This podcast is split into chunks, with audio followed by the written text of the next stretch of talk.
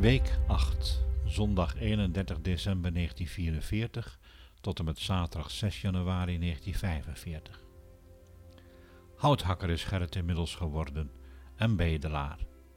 Samen met zijn Urker maats is hij op broodtocht geweest. Kerst is achter de rug en nu zijn we bij de jaarwisseling. De laatste dag van het jaar 1944.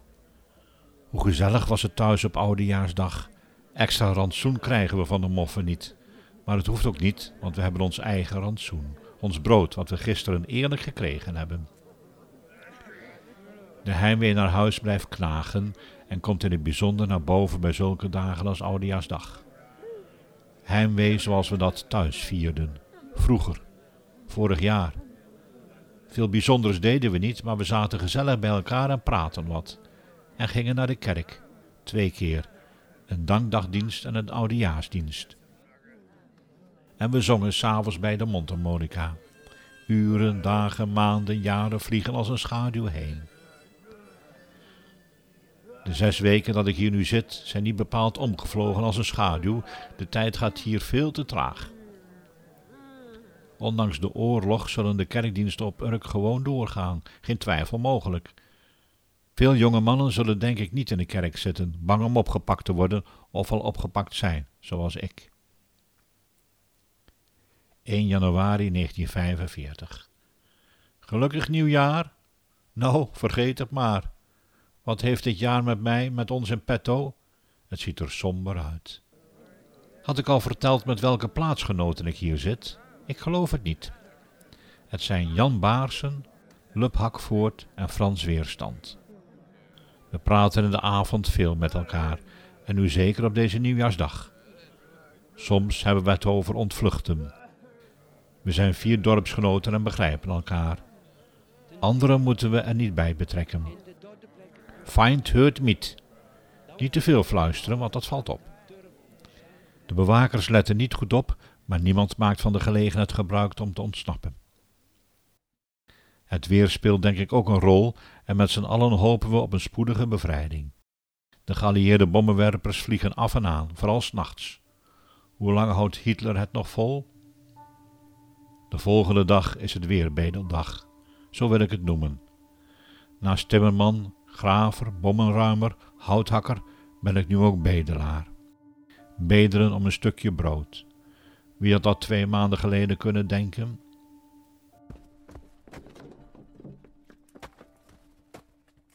Jan en ik gaan weer op pad. We lopen nu een stuk verder.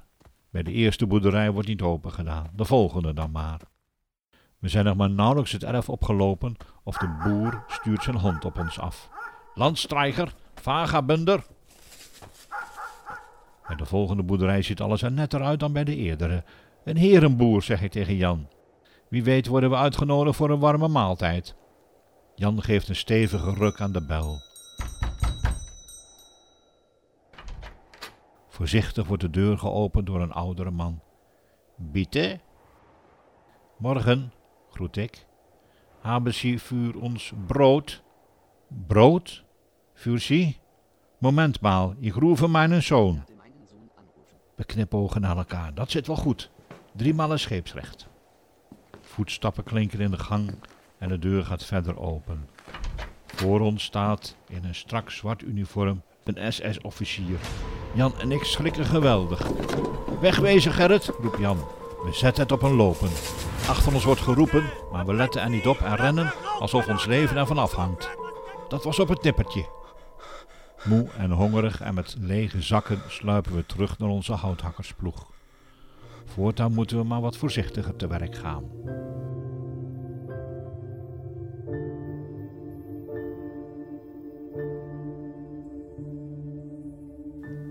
Met Jan, Lup en Frans praten we die avond na over onze bedeltochten.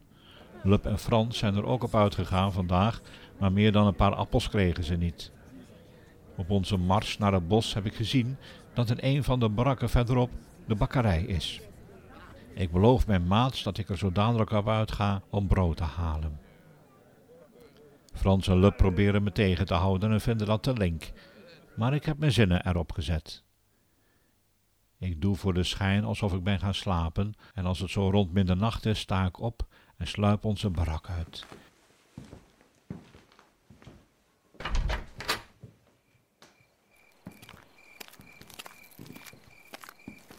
Ik sluip langs de barak waar de bewakers huizen. Niemand te zien. Snel loop ik verder. Ik weet precies waar ik zijn moet. Daar is de kate die ik zoek. Bekkerij, staat erop. Het plan rees al eerder in mei, maar na onze teleurstellende bedeltocht van de afgelopen dag moet mijn plan maar ten uitvoer gebracht worden. Ik sluip naar de achterkant en stop voor een deur. Alles is donker binnen. Ik voel voorzichtig aan de deur. Op slot, natuurlijk. Dan het raam proberen. Dat zit dicht, natuurlijk. Maar ik ben niet voor niets timmerman. Ik heb talloze van dergelijke ramen in elkaar gezet. Mijn zakmes pak ik en begin te broeten. Het kost me maar twee minuten om het raam open te krijgen.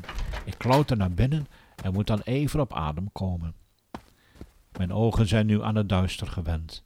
Ja hoor, hier ligt brood. Opgestapeld ligt het hier op Duitse monden te wachten. Ik bevoel het en als ik een zwaar brood voel, neem ik dat mee. Meer dan één brood neem ik niet mee, dat valt misschien te veel op. Het raam druk ik weer in het slot als ik buiten sta. Nu snel naar mijn eigen barak. Ik ben minder dan een half uur weg geweest. Om de anderen niet wakker te maken, sluip ik weer naar binnen. Ik ben nu niet alleen timmerman, graver, bommenruimer, houthakker, bedelaar, maar ook dief. Hoe kan een oorlog je veranderen? De vreugde bij mijn maats is groot als ik het brood, een roggebrood nog wel laat zien wat ik uit de bakkerij gestolen heb. Nou ja, gestolen, mij toegeëigend heb. We hebben toch recht op goed eten nu we zo hard werken voor de moffen?